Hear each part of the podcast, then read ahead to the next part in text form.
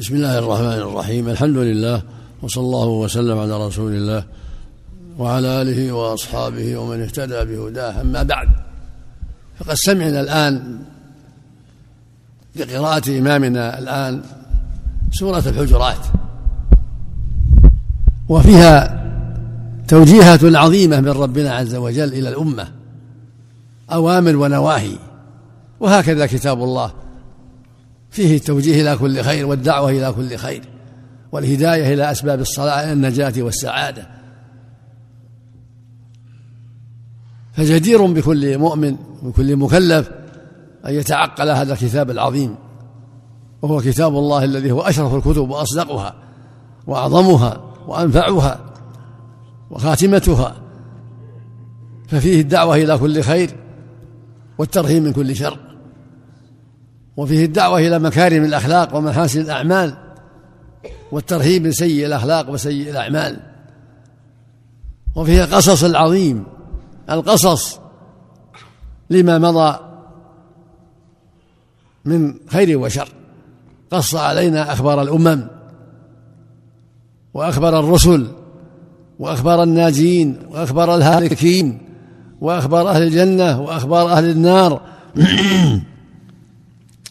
فجدير بك يا عبد الله وجدير بكل مكلف أن يستفيد من هذه الأخبار والقصص والتوجيهات والإرشادات والدعوة من رب كريم.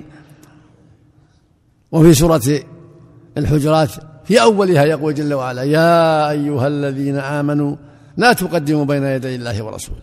هذا الواجب على الجميع أن يكونوا تابعين لحكم الله ورسوله وألا يتقدموا على حكم الله ورسوله. بل يجب أن يكونوا تابعين لأحكام الله منقادين لشرع الله. ثم ينبه على عظم شأن رسول الله صلى الله عليه وسلم وما يجب حوله من الأدب الشرعي الطيب وأن الواجب على الأمة ألا يرفعوا صوته صوتا صوتهم فوق صوته وألا يجهروا له بالقول كجهر بعضهم لبعض وحثهم على غض الصوت عنده عليه الصلاة والسلام. وهكذا عند سنته. عند قراءة الأحاديث وعند سماع السنة يجب العناية بهذا الأمر والخضوع والانتباه واليقظة والاستفادة وعدم رفع الصوتات الأصوات والخوض الذي يشغل عنها. ثم يوجه, يوجه بعد ذلك إلى أمر عظيم فيقول سبحانه يا أيها الذين آمنوا إن جاءكم فاسق بنبأ فتبينوا. هذا أمره عظيم. والتبين التثبت والفساق قد يأتون بأخبار مهلكة لمن أخذها.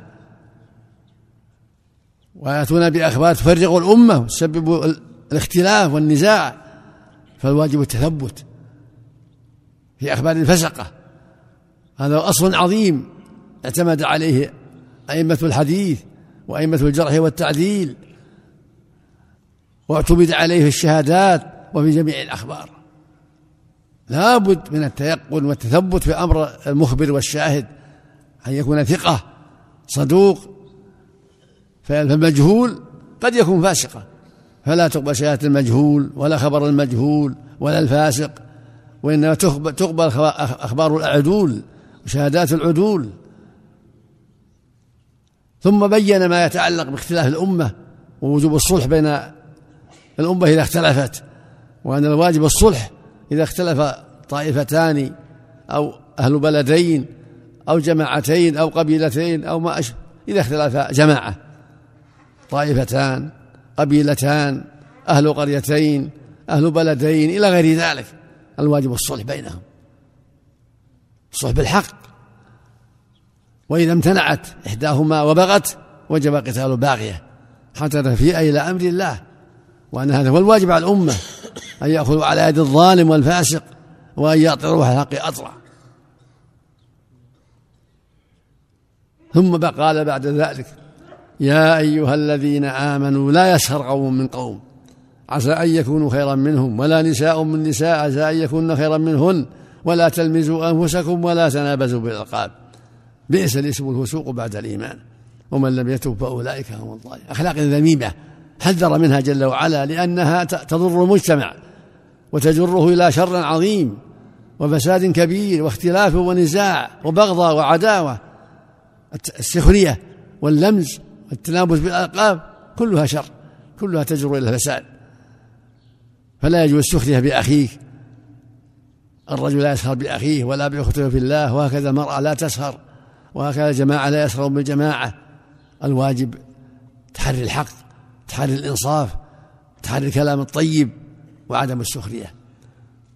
كذلك اللمز والعيب يكون الإنسان يلمز أخاه يعيبه. هذه الغيبة التي حرمها الله وقد يحصل بها شر كبير. قد يكون بالمواجهة فيكون يسبب البغضاء والعداوة. وهكذا التنابز بالألقاب. يا حمار يا كلب يا كذا يا الألقاب المكروهة. بل يدعى الإنسان باللقب الطيب الذي يحبه ويبتعد عن الألقاب الذميمة التي تسبب البغضاء والعداوة ثم يبين أن من لم يتب هو الظالم من لم يتب من هذه الحلقة الذميمة فإنه يكون ظالما وعاصيا. فوجب الحذر من هذه الأخلاق الذميمة التي ذمها وعابها سبحانه. ثم يقول جل وعلا يا أيها الذين آمنوا اجتنبوا كثيرا من الظن إن بعض الظن إثم ولا تجسسوا ولا يغتب بعضكم. كذلك أخلاق ذميمة. الظن شره عظيم. قد يسبب البغض والعداوة والفتنة ولا أصل له ولا أساس له. فالواجب اجتماع اجتناب كثير من الظن. ولا يقبل من الظن إلا ما قامت عليه الشواهد والدلائل. ولهذا يقول صلى الله عليه وسلم إياكم والظن فإن الظن أكذب الحديث. متفق على صحته. إياكم والظن. يعني احذروه. إنما يؤخذ بالظن الذي تقوم عليه شواهد وقرائن يعمل به في محله. ثم يقول ولا تجسسوا تجسس تفتيش عن عيوب الناس تطلب عيوب الناس وهذا شره عظيم أيضا. وهكذا الغيبة وهي ذكرك أخاك بما يكره فالتفتيش عن عيوب الناس وذكر عيوب الناس فيه فساد كبير. وغيبتهم والقول في أعراضهم فيه فساد كبير.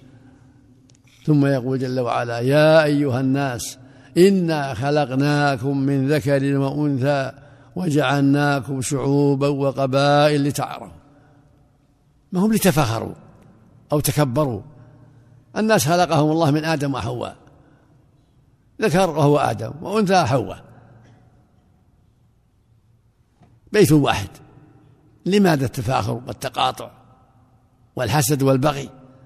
الواجب الإنصاف وتحري الحق وعدم التكبر والبغضاء والعداوة والشحناء والفخر والخيلاء يا أيها الناس إنا خلقناكم من ذكر وأنثى. جدير بهم أن يحذروا البغضاء والعداوة والشحناء فهم أولاد شخص واحد وأولاد امرأة واحدة. فالواجب التراحم والتعاطف والتعاون على البر والتقوى والتواصي بالحق. ذرية واحدة. وجعلناكم شعوبا وقبائل لتعارفوا. للتعارف. مو للتفاخر والظلم لا للتعارف. هذا مطيري هذا بني هاشم هذا كذا هذا كذا. يتعارف الناس. مو بالتفاخر والتكبر. ولو كنت من بني هاشم أفضل القبائل. ليس لك التكبر. احمد الله على ما أعطاك من النعم ولا تفخر ولا تكبر. ولهذا قال وجعلناكم شعوبا وقبائل لتعارفوا. عظيم فائدة العظيمة لتعارفوا.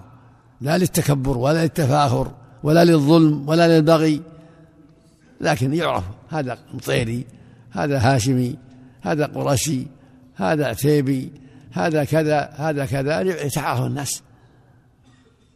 إن أكرمكم عند الله أتقاكم. أكرم الناس أتقاهم. وإن كان من أي جهة. وإن كان عبدا مملوكا. إن أكرمكم عند الله أتقاكم. من جهينة من بلي من بني هاشم من عتيبة من مطير من كذا من كذا رقيق عتيق كل واحد. إن أكرمكم عند الله أتقاكم. فاحذروا يعني التفاخر والبغي. إن الله عليم خبير. هو اللي يعلم أحوال الناس. هو يخبر أحوال الناس. ويخبر الطيب من الخبيث. والصالح من الطالح. لا أحد أعلم منه ولا أخبر منه سبحانه وتعالى. فالواجب علينا جميعا أن نتقي الله وأن نستفيد من توجيه ربنا وتعليمه. هذا الواجب على جميع المسلمين في أي مكان. يجب على جميع المسلمين بل على جميع الخلق من ذكر وأنثى. يجب على جميع الجن والإنس. يجب عليهم الأخذ بتعليم الله وتوجيه الله وإرشاده. هذا هو الواجب على الجميع خلقوا ليعبدوا الله. وعبادته هي الأخذ بتعاليمه جل وعلا. العبادة هي تقواه والأخذ بتعاليمه وتوجيهاته سبحانه والعمل بذلك هذا هو الدين هذا هو الإسلام هذا هو الإيمان والتقوى هذا هو العبادة التي أنت مخلوق لها. أنت مخلوق لتعمل بتوجيه ربك وأمره وترك ما نهى عنه. هذا هو دينك. هذا هو الإسلام الذي قال فيه إن الدين عند الله الإسلام. وهذا هو الإيمان وهذا هو الهدى وهذا هو التقوى وهذا هو البر. وهذا هو العبادة التي أنت مخلوق لها. أن تأخذ بأوامر الله وأن تنتهي عن نواهي الله. وأن تقف عند حدود الله. وأن تستجيب لأمر الله. وأن تحذر محارم الله. هذا هو الدين. هذا هو التقوى. هذا هو العبادة التي أنت مخلوق لها. هذا هو الهدى. فالله جعلهم شعوب. جعل الناس شعوبا وقبائل. وفرق بينهم. هذا غني وهذا فقير وهذا دميم وهذا جميل وهذا طويل وهذا قصير وهذا من كذا ليتعارفوا وليعرفوا قدر نعمة الله عليهم ويشكروا الله. فاذكروني أذكركم واشكروا لي ولا تكفرون. فالواجب على كل إنسان أن يشكر نعمة الله على ما أعطاه وأن يحمد الله وأن يثني عليه. لولا فضل الله لكنت أسوأ من حالك التي أنت عليها. إن كنت فقير لولا فضل الله لكنت أسوأ. وإن كنت قصير لولا فضل الله كنت أسوأ. وإن كنت دمير لولا فضل الله لكنت أسوأ. وهكذا. فكل إنسان يحمد الله على ما أعطاه من النعم العظيمة والخير الكثير وليستقم على طاعة ربه وليحافظ على أوامر الله ولينتهي عن نواهي الله وليسأل ربه الاستقامة على الحق والثبات على الحق وليسأل ربه حسن الختام. فهذه الدار دار العمل. أنت فيها مؤقت مدة يسيرة والدار أمامك والحياة أمامك. فأمل للحياة الدائمة والنعيم المقيم أما هذه دار زائلة. نعيمها زائل وشرها زائل وخيرها زائل وفقرها زائل وغناها زائل كل زائل. أمامك دار متاع نعيمها دائم وعذابها دائم. اعمل للدار التي نعيمها دائم واحذر الدار التي شرها وعذابها دائم. نسأل الله أن يوفقنا وإياكم للعلم النافع والعمل الصالح وأن يمنحنا وإياكم الثقة في دينه والتواصي بحقه والتناصح والتعاون على البر والتقوى. وصلى الله وسلم وبارك على عبده ورسوله نبينا محمد وعلى آله وأصحابه وأتباعه بإحسان.